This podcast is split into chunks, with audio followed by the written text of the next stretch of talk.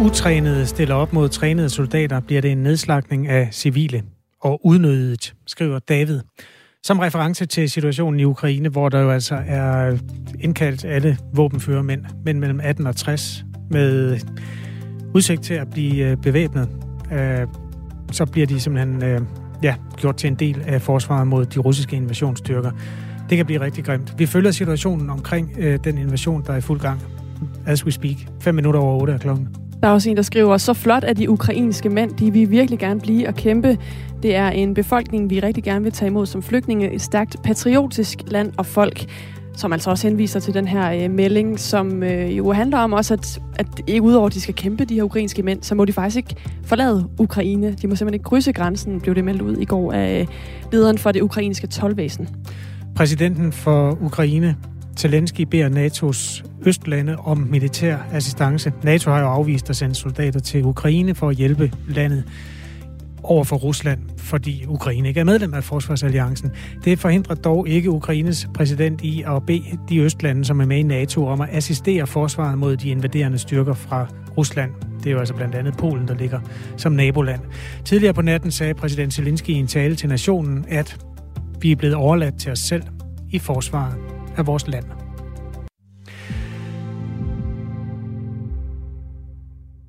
Allerede klokken 3 i nat har russiske tropper indledt et angreb på Ukraines hovedstad Kiev. Billeder og videoer på sociale medier viser, hvordan missiler angiveligt har ramt den ukrainske storby. Der er også meldinger om, at et russisk fly skulle være skudt ned over hovedstaden, og at flere boligblokke står i brand. Samtidig fortæller flere medier, at russiske kampvogne nærmer sig Kiev fra forskellige retninger. Længere mod vest øh, i Lviv, der ligger nær ved grænsen til Polen, har vidner her til morgen også berettet om lyden af sirener. Det fortæller vidner til nyhedsbyrået Reuters. Morten Holm Johansen er administrerende direktør i en øh, stor svinefarm, der ligger 80 km sydvest for Lviv, altså i den ja, øh, i det hjørne af Ukraine, som vender over mod EU og over mod øh, NATO, kan man så også sige. Godmorgen, Morten Holm Johansen.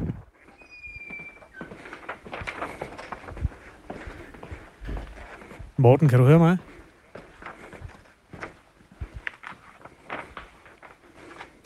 Jeg prøver lige igen her. Morten Holm Johansen, kan du høre mig?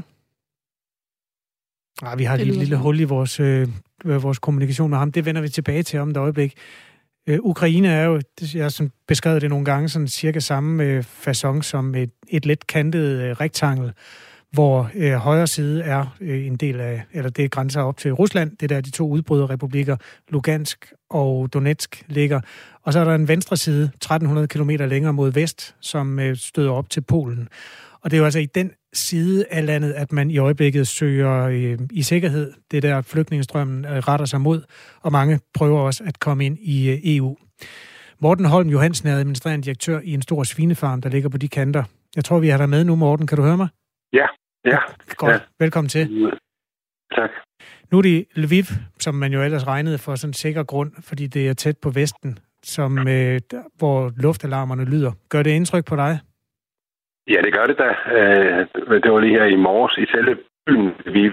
Nu er Lviv jo også en provins, det på to forskellige ting. Okay. Øh, men i byen Lviv, øh, alarm her i morges, den blev så aflyst. Øh, og øh, der er synligheden ikke, ikke øh, foretaget nogen angreb, så vidt jeg har kunne finde ud af.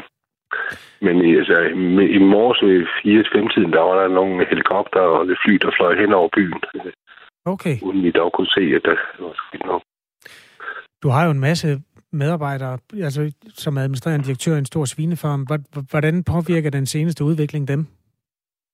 Jamen altså, det er jo klart, at der er nogen, der er nervøse, øh, men der er også mange, som, som siger, at nu skal vi stå sammen og få det til at fungere.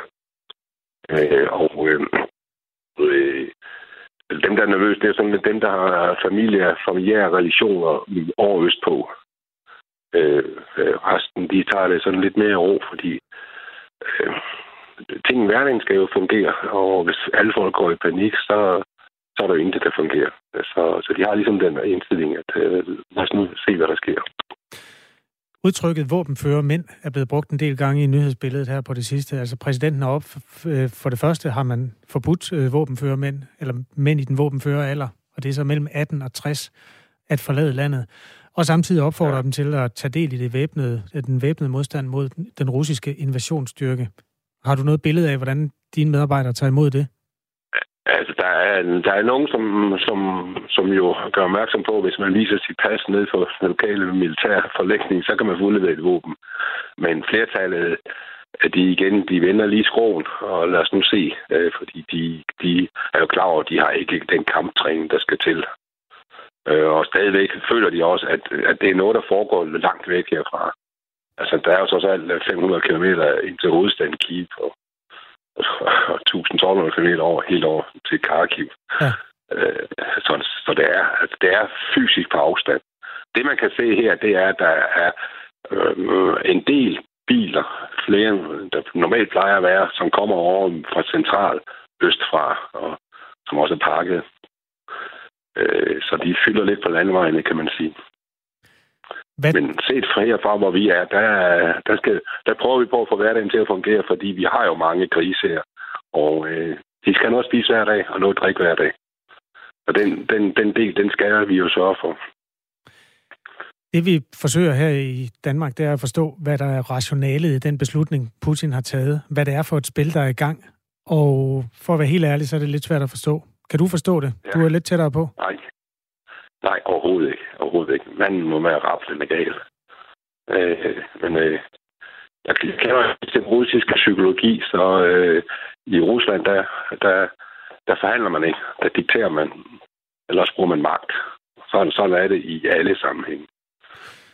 Hvor, øh, men hvordan er forholdet til det land så? Altså, hvordan har man gået og haft det med Rusland til hverdag, inden alt det her skete?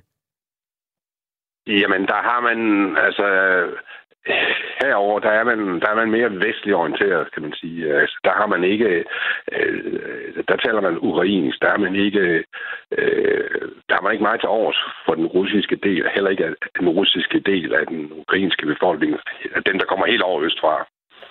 Øh, så det er, det er ligesom to. Det er et skisma øh, lokalt. Øh, så der er, ikke, der er ikke mange, som hæber på Putin herovre. Absolut ikke.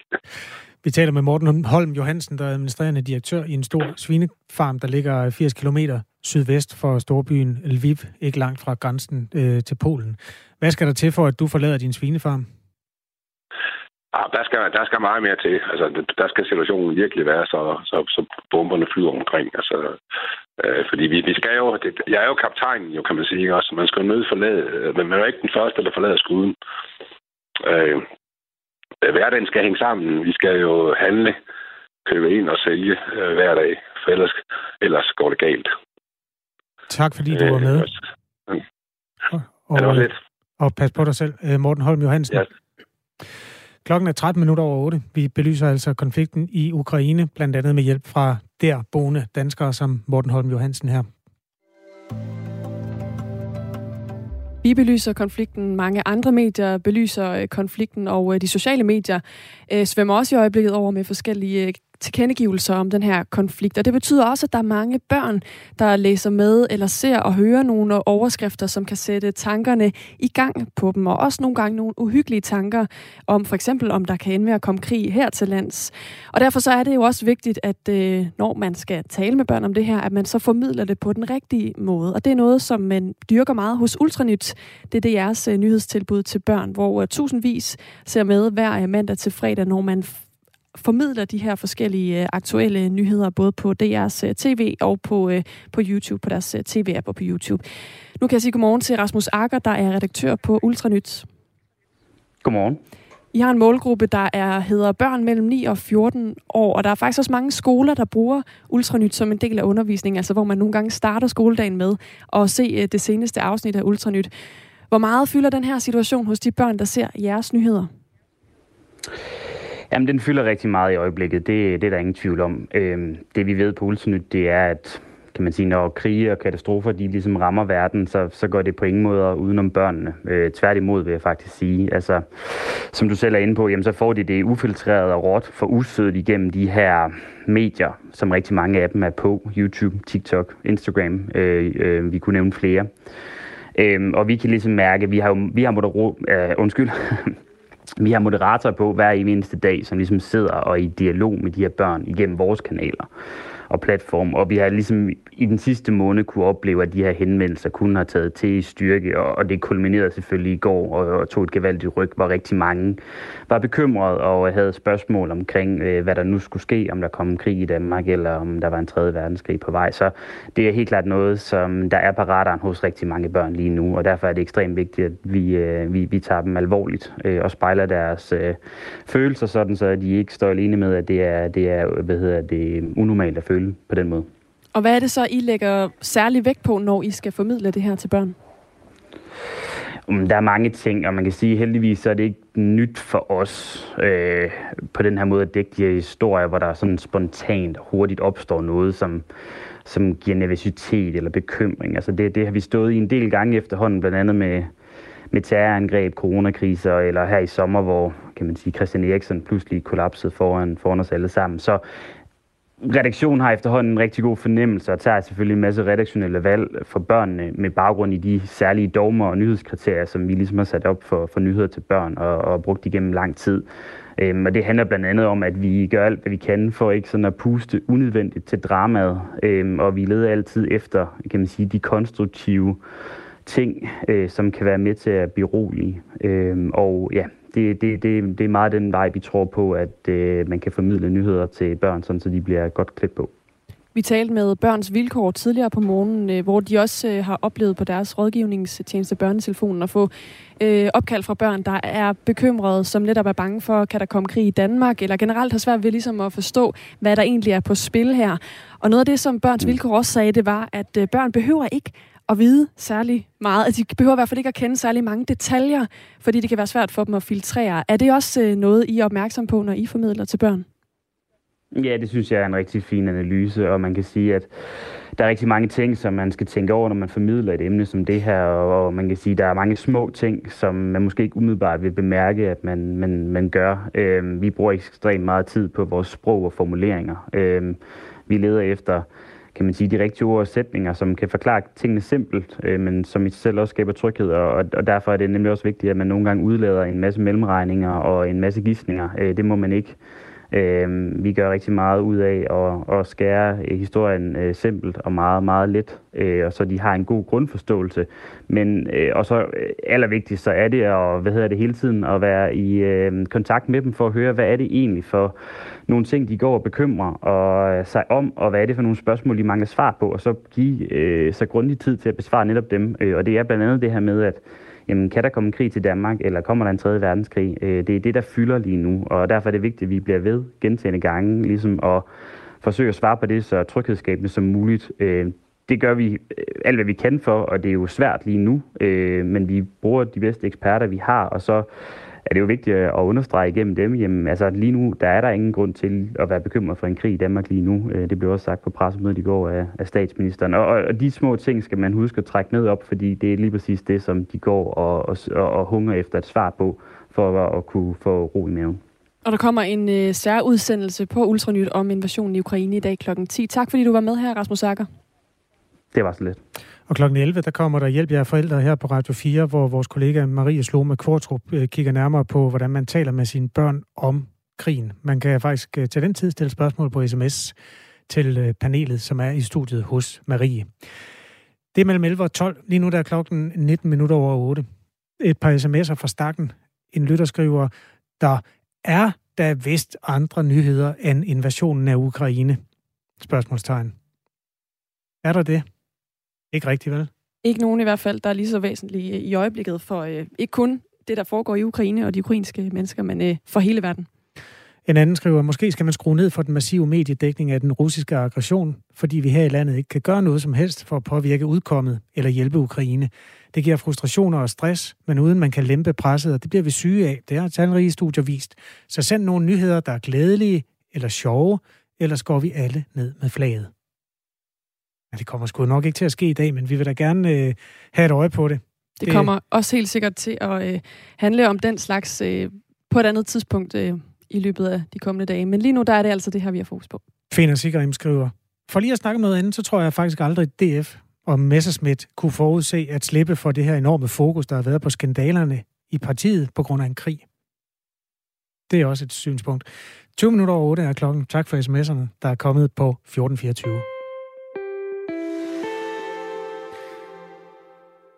En, der er særlig berørt af situationen i Ukraine, er vores lytter Claus Pitsner. Han har en seksårig datter i landet, og da vi talte med ham i går, havde han endnu ikke fået kontakt til hende eller til hendes mor. Derfor var han klar til at rejse til Ukraine selv. Så en ting er min mor, øh, gamle mor på 82, øh, født i 39, øh, oplevede øh, besættelsen øh, af Danmark øh, som, som krigsbarn og så videre. Og nu har jeg en datter, der, der skal opleve det samme. Jeg siger bare, at, at de skal ikke tage min datter fra mig. Det skal de ikke. Så, så og om, om, om, jeg ved godt, at, at, at de er underliggende øh, ukrainerne i deres militærudstyr og teknologi osv. Jeg er helt fløjtende ligeglad. Jeg overvejer øh, at, at, øh, melde mig til, til det ukrainske militær, øh, og de kan bare stikke mig en riffel. Det sagde Claus Pitsner, da han i går var igennem i vores øh, program her øh, i går eftermiddags. Goddag, Claus Pitsner. Godmorgen. Goddag, goddag. Ja, er, goddag. Er du kommet i kontakt med din datter? Det lykkedes mig så øh, sent i går aftes at få øh, kontakt til min datters mor. Øh, nettet var, var, var brudt ned, øh, og, øh, men, men, men fik så endelig kontakt, at, at de, var øh, øh, i, i, i, i beholderne, så må sige, og, øh, men, men befinder sig stadig i Kiev, øh, og øh, vil tage afsted øh, her i dag, her til morgen, um, hvad det, til, ud på landet, hvor, hvor øh, cirka 300 km øh, nordvest for, for Kiev. Så det bliver altså tæt på den sydlige, øh, øh, til, til grænsen øh, syd for, for øh, øh, Belarus. Belarus ja. øh, det. Og øh, så, så, så der formoder jeg, at de, de kommer i sikkerhed der, fordi det kun er en lille landsby. Lige nu er kampene angiveligt i gang så småt omkring Kiev. Tidligt i morges indledte russiske tropper et øh, angreb med nogle missiler i, i omegnen af hovedstaden. Og billeder og videoer på sociale medier øh, viser, at øh, der angiveligt er nogle af dem, der er ramt i den ukrainske storby. Der er meldinger også om et russisk fly, der skulle være skudt ned, og boligblokke, der står i brand. Øh, hvordan påvirker det dig alt det her? Jamen altså, jeg har jo ikke sovet, øh, øh, øh haft et Ja, altså, jeg er ikke sovet i natten øh, af samme årsag, fordi jeg, jeg vidste jo godt, at det, at det, det sluttede jo ikke der med bombardementet. Jeg sagde, at hun skulle bare til at forlade øh, byen øh, øjeblikkeligt, men hun havde ikke kørelejlighed overhovedet. Altså, det, det, det, for at få en altså minibus eller, eller en offentlig bus eller en taxa, det er fuldstændig umuligt, så hun er nødt til at vente på sin bror, der er læge derovre, der selv, selv er gift og har to små børn. Så nu pakker de bilen her, øh, forhåbentlig her, øh, til formiddag, eller her til morgen, øh, og, og, og forlader øh, øh, hovedstaden. Og, øh, og det er klart, at da jeg så læste nyhederne, at de halv fem i morges havde bumpet endnu en gang, øh, så, så ja, det, det er for uroligende, og, og, og det er også derfor, jeg taler med, med, med, med en nervøs stemme her. Øh, jeg har ikke hørt fra dem endnu. Jeg håber ja. selvfølgelig bare, at høre godt fra dem. Det er klart. Øhm, der er ikke noget at sige til, at du er meget oprevet lige nu. Øhm, og i, i går i en oprevet stund sagde du også, at du overvejede at tage til Ukraine og simpelthen kæmpe altså, som soldat. Altså, har du stadig den tanke? Den har jeg stadigvæk. Jeg har gjort her øh, i går aftes, der, der gik jeg ind øh, og, og, og søgte på muligheden for at, at join the army øh, derovre, den ukrainske her. Øh, og, og heldigvis falder jeg ikke for aldersgrænsen, der, der er 60 år, men, men der er lige nogle andre øh, udfordringer med, at man helst skal have været bosat derovre i fem år osv., men man ikke det er bare en, en spørgsmål om teknikaliteter. Øh, og så selvfølgelig noget, en form for hjemmeværn øh, og nogle andre organisationer, øh, man kan tilslutte sig. Men, øh, og jeg har været her til morgen, der har jeg så øh, øh henvendt mig, eller øh, søgt på, på den øh, den ukrainske ambassade i København med, øh, på deres hjemmeside, men den er altså lukket ned. Øh, så Ja, så, så jeg tænker jeg lidt i undtagelsestilstand i øjeblikket. Nu ved ja. jeg ikke, hvor, hvor gammel er du, Claus? Jeg er 55. Øh, med al respekt for, at du sikkert er en, en modig mand, altså så er det jo også gode chancer for, at du bare sætter dit liv over styr, hvis du løber derover og tager del i det der, uden at have træningen til det. Har du, altså, er du sikker på, at det, ja, det er det værd? Ja, ja, altså jeg er fuldstændig enig, og, og, og, og som jeg sagde i går, at, at min fysik er heldigvis som en en på, på 21-25 år. Øhm, som, jeg, som jeg også berettede i går, jeg har 150 armbånd i et, et stræk øh, stadigvæk. Øh, så, så, så det er ikke så meget det, er mentalt. er jeg så mere rustet formentlig end en 21-25-årig. Øhm, jeg er godt klar over, hvor, hvor, hvor, hvor, hvor let et offer man er i, i, i en krig. Øhm, øhm, hvad hedder det? Men, men, og jeg har også set på, på Valentinas, altså min datters mor, øh, øh, oplevet øh, gennem hende. Nogle af hendes veninder, øh, øh, hvis mænd er gået i krigen tilbage i, øh, i, i 2014, hvor, hvor, hvor Rusland øh, øh, annekterede øh, Krimhalvøen, øh, og de drog i krig, og, og der gik ikke en måned, så var de sådan set øh, slået ihjel, øh, de, her, de her mænd her. Ja. Ganske unge mænd, 28-30 år, øh, efterlader sig børn og kone. Og, øh, så, så ja, jeg er godt klar over, at, at det er, øh, og jeg har selvfølgelig også en, en, en datter på 20 år i Danmark, som, som jeg også lige skal tage hensyn til i et eller andet omfang. Øh, men, øh, men jeg vil, jeg vil bare sige, at hvis, hvis min, min 6-årige datter, Nika, øh, skulle på bort på grund af Putin, øh, så ved jeg snart ikke, hvad, hvad, hvad livet er værd at leve for. Altså, Claus, du er meget din følelsesvold. Du skal jo også passe lidt på dig selv, det, hvis du ikke har sovet ja. hele natten. Øh, men, men jeg tror godt, jeg forstår dig godt. Jeg forstår godt, hvor du er, hvor du er lige nu. Ja. Ja.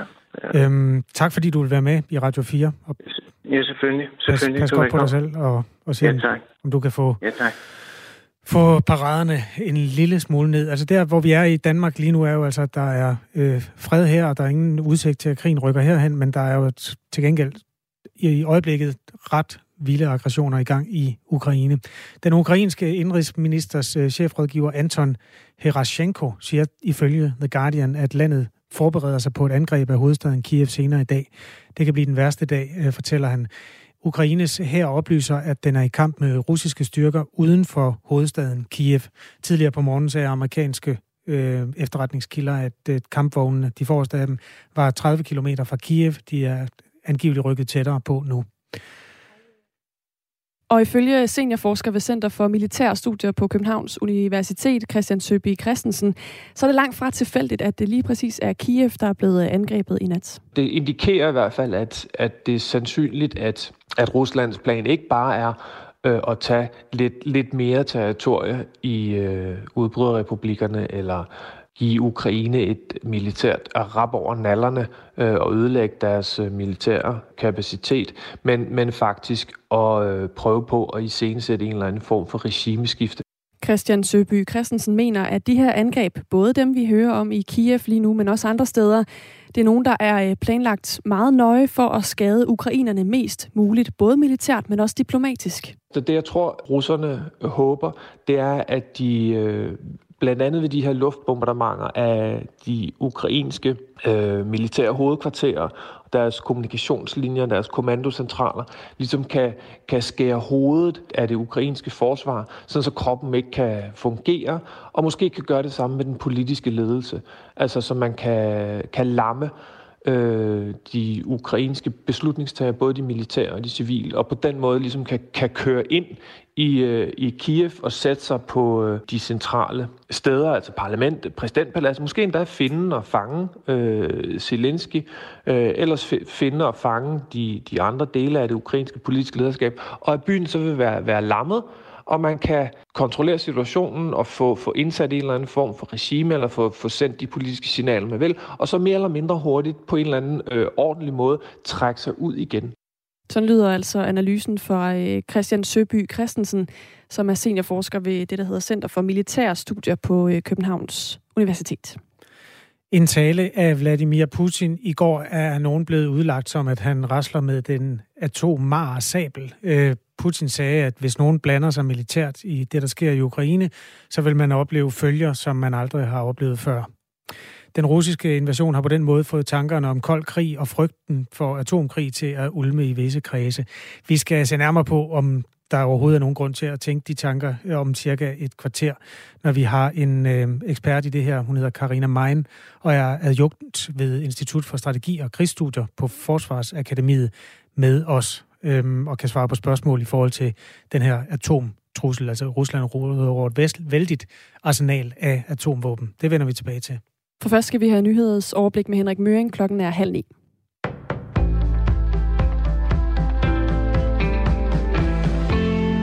Ukraines præsident Volodymyr Zelensky beder nu de østeuropæiske NATO-lande om assistance i forsvaret af hans land. I dag forsvarer vi vort land alene, ligesom i går følger verdens største styrker med på afstand, siger han i en videotale, som er refereret af BBC. Vi har brug for en antikrigskoalition, som kan tvinge Rusland til forhandlingsbordet, siger han. Blev Rusland overbevist af de sanktioner, som blev indført i går, spørger præsidenten og svarer, vi hører i luften og ser i felten, at det ikke var nok, siger Zelensky. Både på ukrainsk og russisk gentager han opfordringer til Rusland om en våbenhvile. De østeuropæiske NATO-lande består af ni lande, blandt andre de tre baltiske lande, Polen, Rumænien og Slovakiet. Ruslands plan er at trænge ind i Kiev med brug af kampvogne senere i dag, det siger en rådgiver for Ukraines indrigsminister. I dag bliver den hårdeste dag, siger rådgiveren ifølge Reuters. Han understreger samtidig, at det ukrainske militær er klar til at forsvare hovedstaden med panserværnsmissiler leveret af udenlandske allierede. Rusland genoptog sine missilangreb mod Ukraine klokken 4 i morges lokal tid, det oplyste landets præsident Zelensky. De russiske angreb har ifølge præsidenten ramt både militære og civile mål. Der har i løbet af natten og morgenen været flere meldinger om eksplosioner i Ukraines hovedstad. Der er jævnligt luftalarmer i Kiev, og myndighederne opfordrer befolkningen til at søge ly. Af videoer på sociale medier fremgår det, at mange har søgt ly i metroen. Der er samtidig mange meldinger om kampe forskellige steder i Ukraine. Vestlige embedsmænd vurderer, at det russiske militær har til hensigt at fjerne Ukraines ledelse. Enhedslisten støtter ikke et øget militært bidrag til NATO. Partiet ser hellere, at der kommer flere sanktioner mod Rusland, og at den humanitære indsats bliver øget. Det fortæller Enhedslistens forsvarsordfører Eva Flyvholm til Radio 4. Det vi stemte om i Folketingssalen i går, det var jo et øget NATO-bidrag til de baltiske lande. Og der kan man sige, at det hjælper altså ikke akut ukrainerne særlig meget nu, og det er derfor, vi synes, at vægten ligesom skal lægges over på på det her med at få lukket for gassen i stedet for. I aftes vedtog et bredt flertal i Folketinget at øge bidraget til NATO. Danmark vil blandt andet bidrage med F-16-kampfly til at overvåge luftrummet over Polen. Enhedslisten og Frie Grønne støttede ikke det øgede bidrag. Sanktionerne fra EU-landene vil blive smertefulde for det russiske regime. Sådan lyder det fra EU-præsident Charles Michel. Meldingen kommer på et pressemøde i nat efter afslutningen af et ekstraordinært EU-topmøde i Bruxelles. Her blev de 27 EU-landes ledere enige om en stor sanktionspakke. Her vil for eksempel 70 procent af Ruslands bankmarked blive ramt af sanktionerne fra EU. USA vedtog i aftes også omfattende sanktioner mod Rusland. De vil især ramme den russiske økonomi. Detaljkæden Jysk har besluttet midlertidigt at lukke sine butikker i Ukraine. Det sker som følge af Ruslands angreb, skriver Finans. Jysk har i alt 86 butikker i landet. De holder nu alle sammen dørene lukkede i en periode, fortæller kommunikationsdirektøren i Lars Larsen Group, der står bag Jyskkæden. Også andre danske selskaber har reageret på invasionen. Carlsberg lukkede i går to bryggerier i Ukraine. Også malingkoncernen Flyger har lukket ned for alle aktiviteter i landet. Byer, men også lidt sol 3 til 7 grader og jævn til hård vind omkring vest.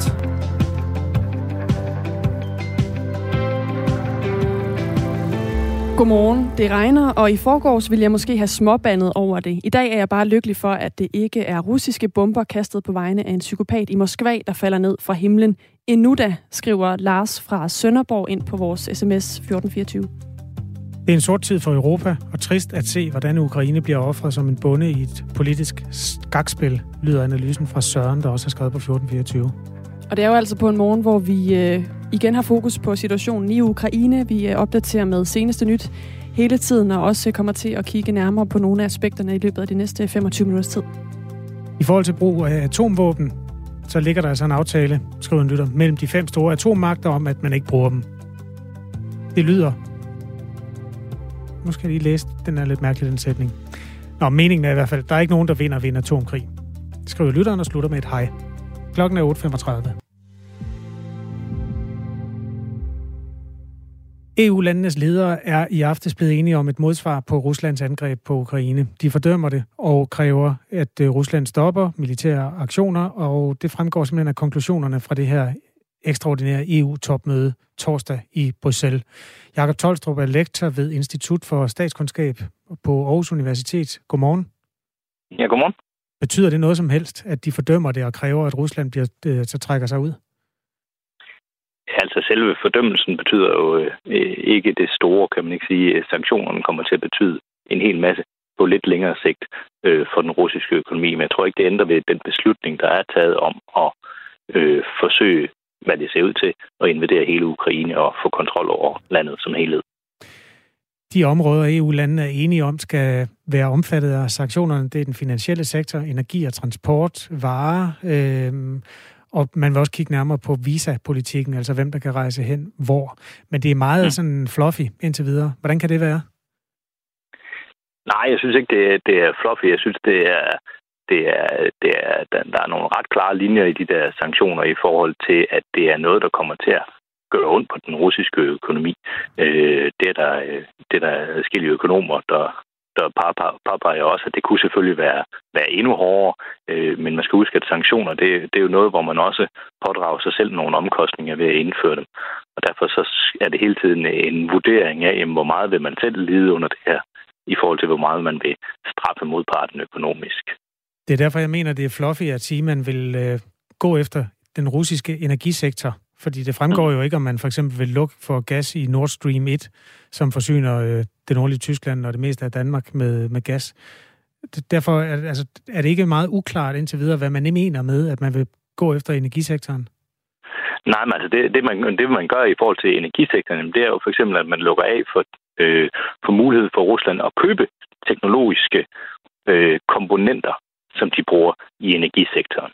Så det vil sige, at man, man komplicerer, man besværliggør, man fordyrer øh, russisk energiudvinding, og dermed rammer dem på deres evne til at eksportere, eksportere det her produkt med en eller anden given profit.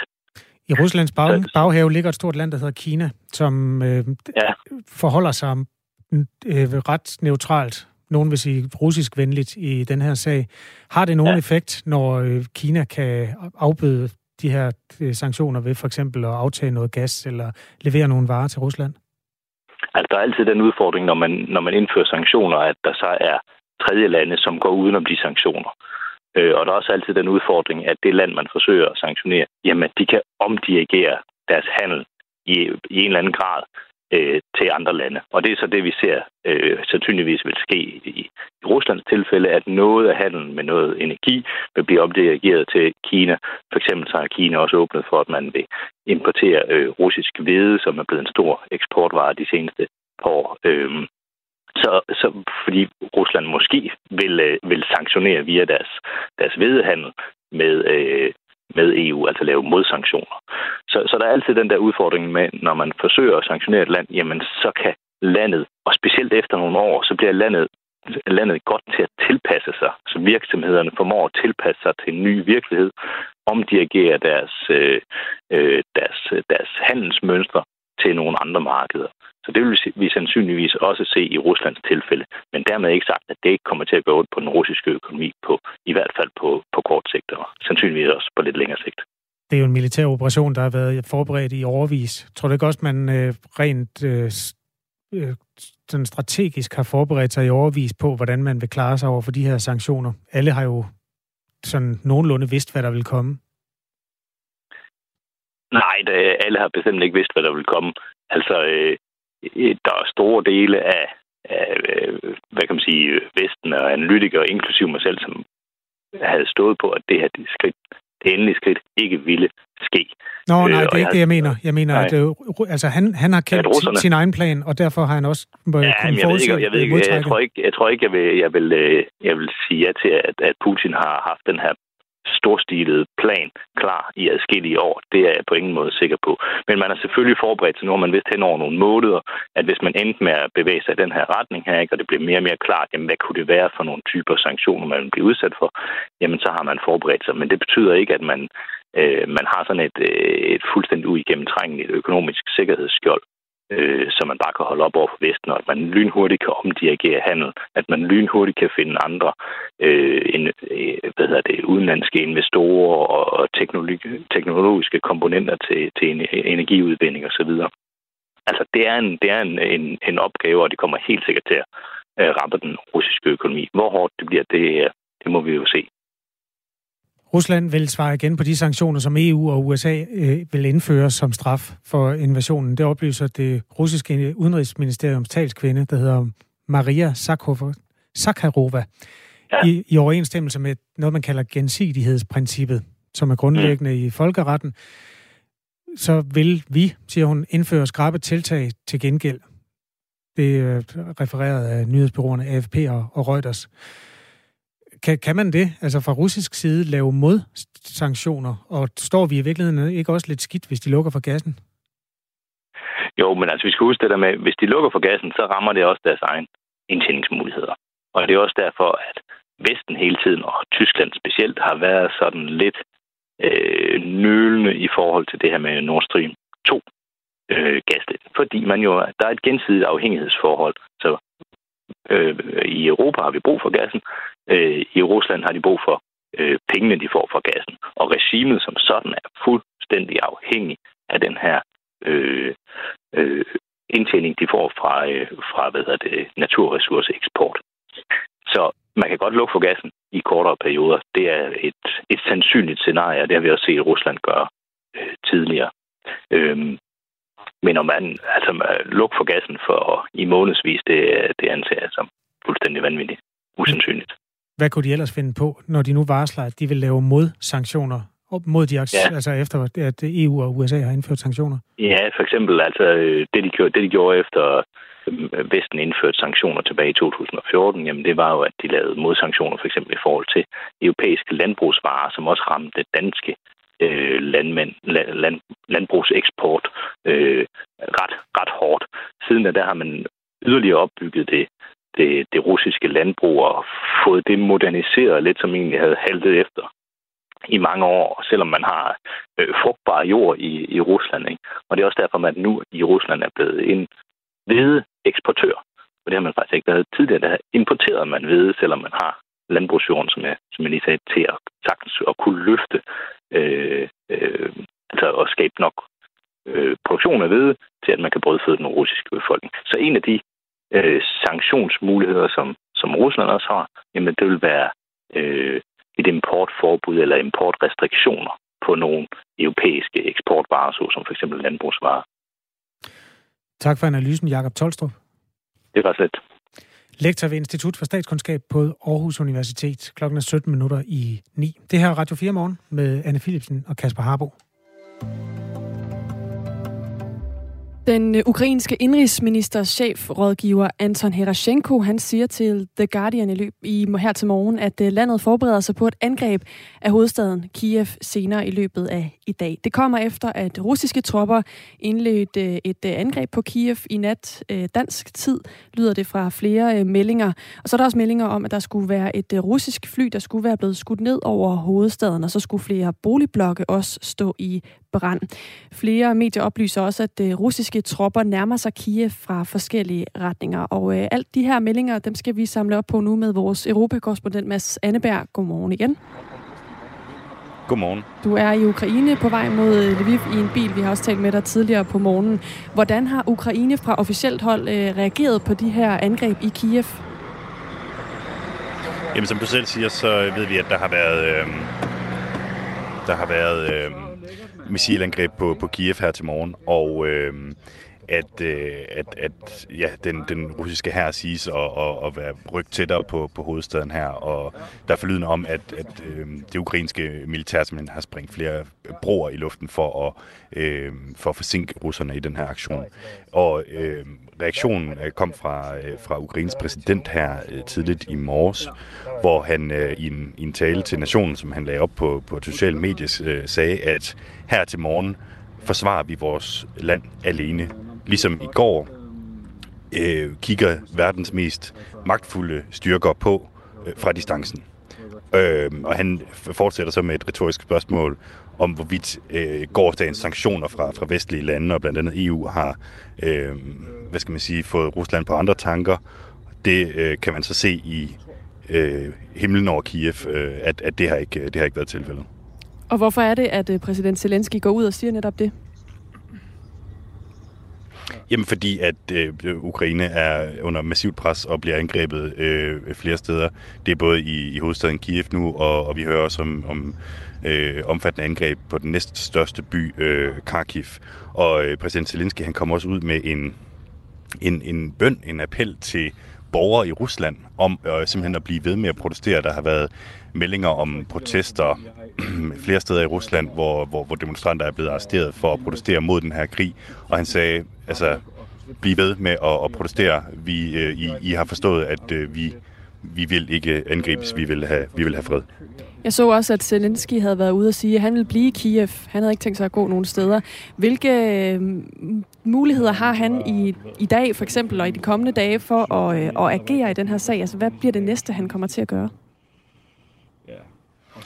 Jamen, det er et godt spørgsmål. Altså, nu øh, var vi inde på tidligere på morgenen her, at han for eksempel har forbudt øh, mænd i, i kampdygtige alder mellem 18 og, og 60 at forlade landet lige nu, altså ukrainske mænd. Øhm, så det er jo en af de ting, altså man kan sige, det, det, det begynder at ligne en, en, en, en mobilisering af, af alle, nærmest i den, i den kampdygtige alder. Så, så der er jo en masse ting, øh, de begyndte allerede for flere dage siden at kalde reservister ind til den ukrainske her, og, og den, den skal ikke have for lidt, øh, kan man sige, fra ukrainsk side lige nu, hvis, øh, hvis de skal kunne modstå de her russiske angreb. Øhm, ja. Og lige netop, det kunne jeg faktisk godt lige tænke mig at blive ved, for vi har fået en sms fra øh, vores lytter Jesper, der spørger, ved Mads, om der er hold i, at der er en stor del af befolkningen, der kommer til at ville gribe, gribe til våben, eller om det er tomme ord. Ud fra det, du har oplevet øh, i den seneste tid, i, mens du har været i Ukraine, hvad er så din vurdering af det? Det, det er et virkelig, virkelig godt spørgsmål, og nok også et af de nøglespørgsmål, som, som venter forude, fordi der er netop rigtig mange, der har sagt til mig på forhånd, at øh, vi vil gribe til våben, våben hvis Ukraine, øh, hvis Rusland angriber.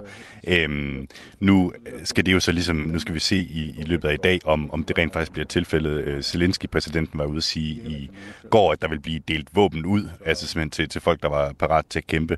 Men der er jo nødt til også at være en eller anden form for system i det. Man kan jo ikke bare give AK-47 øh, ud til, til alle enhver, som står nede på gadehjørnet. Øh, så så det, det er også noget, som jeg er ekstremt spændt på at se. Og vi er på vej til Lviv nu her, hvor det også vil, vil vise sig, om, øh, om den her kampgejst, som der er i den ukrainske befolkning, den bliver udmyndtet i, i virkeligheden. Ja, du er jo netop på vej øh, mod Lviv. Lad os bare lige få en status her til sidst på øh, situationen der, hvor, hvor du bevæger dig hen. Altså, hvad, hvad er din plan for i dag? Har I lavet noget i dag, udover købe biler for Bitcoin? Jamen altså, bare helt konkret, jeg sidder stadig i, en meget, meget lang øh, bilkø, som snegler sig afsted mod Lviv. Vi har øh, kørt i noget, der ligner 16-17 timer i træk siden i går eftermiddags, og har ikke stoppet andet end for lige at, at, at tisse og, og ryge. Og øh, det, er en, det er en meget, meget lang kortege af, af mennesker, som simpelthen øh, flygter øh, krigens øh, redsler øh, længere, længere østpå, og som håber på at nå enten til Lviv, hvor der lige nu er, er øh, meldinger om, at, at det stadig er, er fredeligt, eller måske til den polske grænse. Vi, øh, vi talte for kort tid siden med den danske ambassadør her i bilen, og øh, han, øh, han sagde, at der kunne være op til flere dages ventetid på simpelthen at få lov til at krydse grænsen ind til Polen, øh, som der jo er, er mange ukrainere, der prøver på øh, lige nu. Der kommer mere for dig, Mads. Øh, blandt andet når Radio 4 sender Kontinentet i dag mellem øh, 10 og 11. Men tak, fordi du lige var med her også. Selv tak. Europa-korrespondent her på kanalen, og altså i Ukraine i øjeblikket. Jeg ved også, at uh, Thomas Schumann, som er vært, har en aftale med udenrigsministeren fra et af de baltiske lande, faktisk, for at belyse, hvordan man ser på det på de kanter. Det er jo altså der, uh, NATO slutter, eller begynder, alt efter hvilken side af grænsen man kigger uh, fra. Uh, kontinentet er vores uh, Europa-magasin, som kører mellem 10 og 11. Lige nu er klokken 8.49. Ruslands invasion af Ukraine har fået tankerne om den kolde krig tilbage i den folkelige erindring, og vi har fået en del sms'er fra lyttere, der spørger, hvor langt vi egentlig er fra en atomkrig. Øhm, at, ja, det, det skal du hjælpe os med at forstå, Karina Mein, som er adjunkt ved Institut for Strategi og Krigsstudier på Forsvarsakademiet. Godmorgen. Godmorgen. I din optik, er der så nogen ja, som helst risiko for, at atomvåben bliver en del af krigen? Øh, altså jeg vil sige, på nuværende tidspunkt er, er det ikke der, vi er. Øhm, men man kan sige, at atomvåben fylder alligevel lidt i baggrunden af den her konflikt. Øh, fordi Putin øh, allerede inden at den her aggression fandt sted, øh, sagde han jo nogle ret vigtige ord omkring, at øh, hvis vestlige magter vælger at blande sig i det, der nu sker i Ukraine, øh, så vil vi se noget, som vi simpelthen ikke har set i nyere tid. Øh, og det er jo sådan en ret klar øh, reference til, at, øh, at Rusland er en atommagt, øh, og at vi skal holde os det øh, meget, meget præsent, når det er, at vi kigger på, hvad vores øh, handlemuligheder er eller ikke er. Øhm, Hvor sikker er du på, at han mente atomvåben, da han sagde, at vi vil opleve noget, som vi ikke har oplevet før? Jamen, man kan sige, at øh, det, det er jo en meget indirekte måde at sige det på, men, men jeg vil mene, at Putin med, med det valg af ord, han, øh, han, han lægger for dagen der, han spiller på en, øh, en frygt, som er øh, tiltaget over de senere år. Øh, faktisk allerede under Obama-administrationen øh, begyndte amerikanske analytikere at, øh, at ændre holdning til, hvordan Rusland potentielt tænker, øh, de kan anvende deres atomvåben, øh, hvis de kommer i konflikt øh, med et langt overlegent øh, vestligt øh, militærapparat.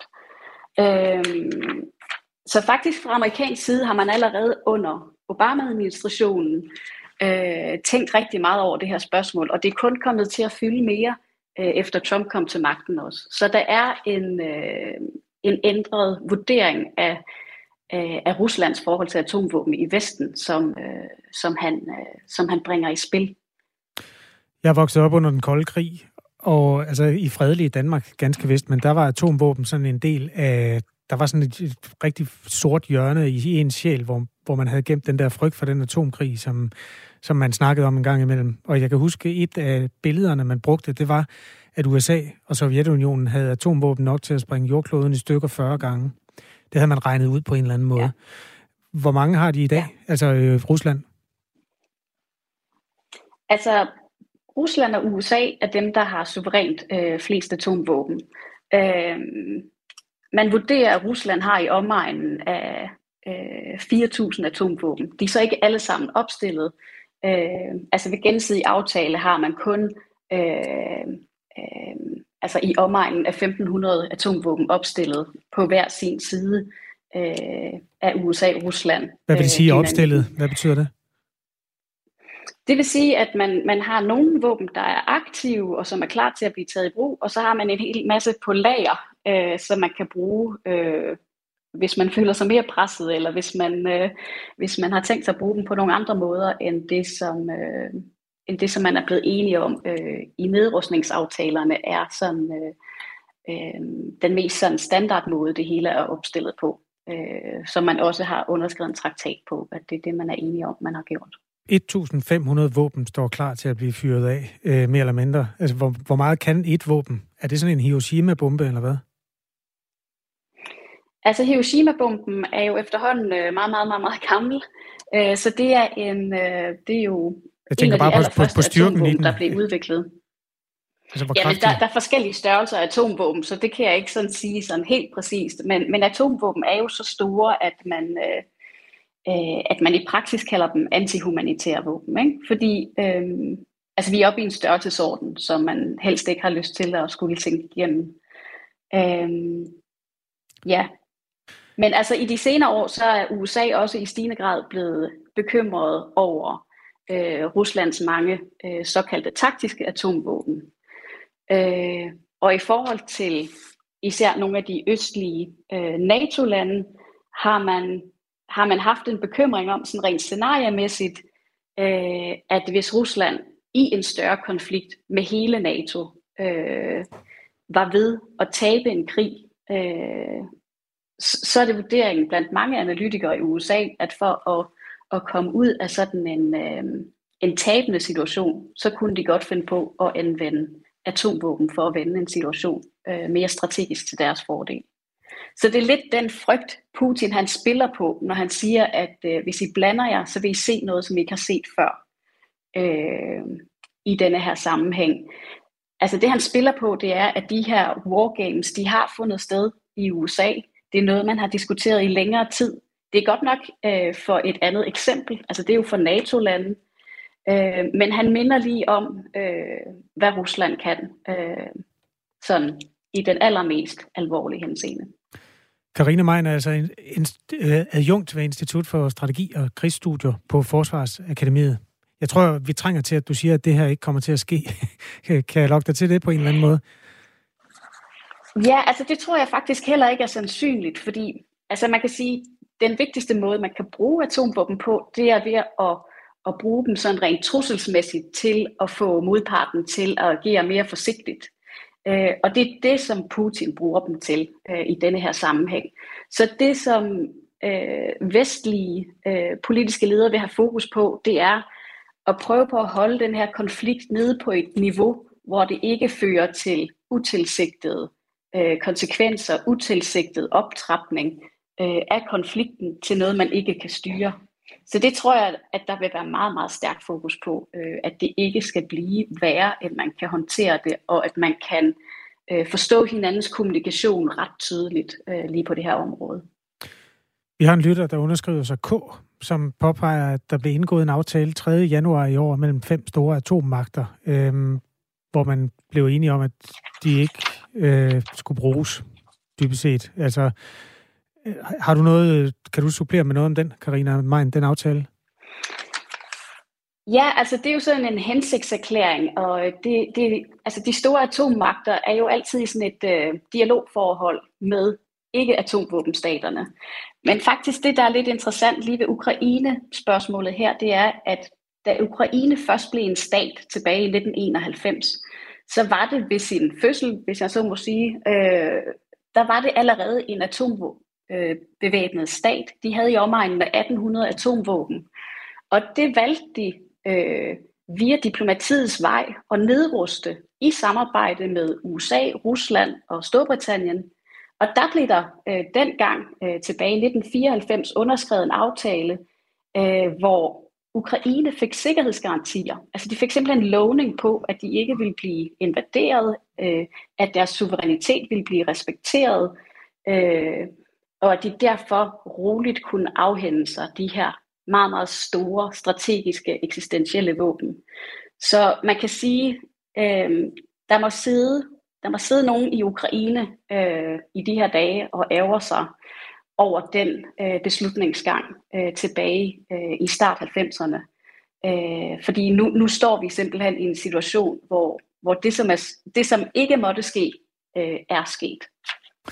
Og endnu en understregning af, at det jo altså er et afskrækkelsesvåben, som er rigtig rart at have for, for dem, der har det. Øhm, vi bliver afskrækket af, af Putin i stedet for. Det der, den står lige nu, Karina Mein. Tak fordi du øh, var med. Selv tak. Karina Mein, som er altså er på Forsvarsakademiet. To minutter i ni af klokken.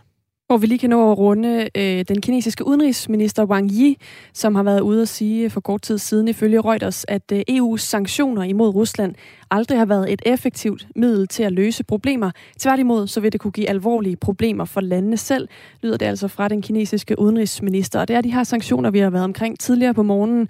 De kommer øh, både til at skulle ramme den finansielle sektor i Rusland, energisektoren, transportsektoren og også nogle øh, specifikke russiske personer. Det er også noget, vi har fået en del sms'er på, det her med sanktionerne. Øh, Sila skriver, det er skønt at høre danskere overbevist om, at vi med vores sanktion presser Rusland, mens vi kan se, at de er fuldstændig ligeglade, skriver han ind på sms'en. Jeg printede sådan kort her. Øh, det er Gazproms, jeg skal se, øh, ja. Gazproms forsyningsledninger til øh, europæiske lande. Altså Rusland er jo en kæmpe øh, forsyner af, rigtig mange lande. Men det, der går igen, altså det er jo sådan et, et kort, hvor der er en masse røde streger, der går fra Rusland og over til landene. Kan du se, hvilket land de alle sammen går igennem? Ukraine. Ja. Hvis jeg var ukrainer, så ville jeg starte med at springe dem i luften, tror jeg. Men det er jo sådan en... Øh, det er ikke en opfordring. Jeg siger bare, der, der er en, en strategisk ting omkring de der gasledninger, som også kan komme i spil i forhold til øh, krigshandlinger. Der er rigtig mange ting, der kan gå hen og blive, komme i spil ud over konkrete angreb. Der er også en, der har skrevet ind, hvis Rusland skal give mere for ting, så sætter de bare prisen op på gas. Vi har sendt 3,5 times morgenradio igen i dag med stort fokus på den konflikt, som er blevet væbnet, og som formentlig vil udvikle sig i den rigtig blodige retning i løbet af i dag, fordi russiske tropper nærmer sig Ukraine. Um, Der er mere om sagen i kontinentet, som sender mellem 10 og 11. Og øh, hjælp jer forældre, som øh, behandler, hvordan man kan tale om det her med sine børn. Om fem minutter så er der ring til Radio 4. Du ønskes en god fredag, trods alt fra Anne Philipsen og Kasper Harbo. Og nyhedsvært Henrik Mørken klokken er 9.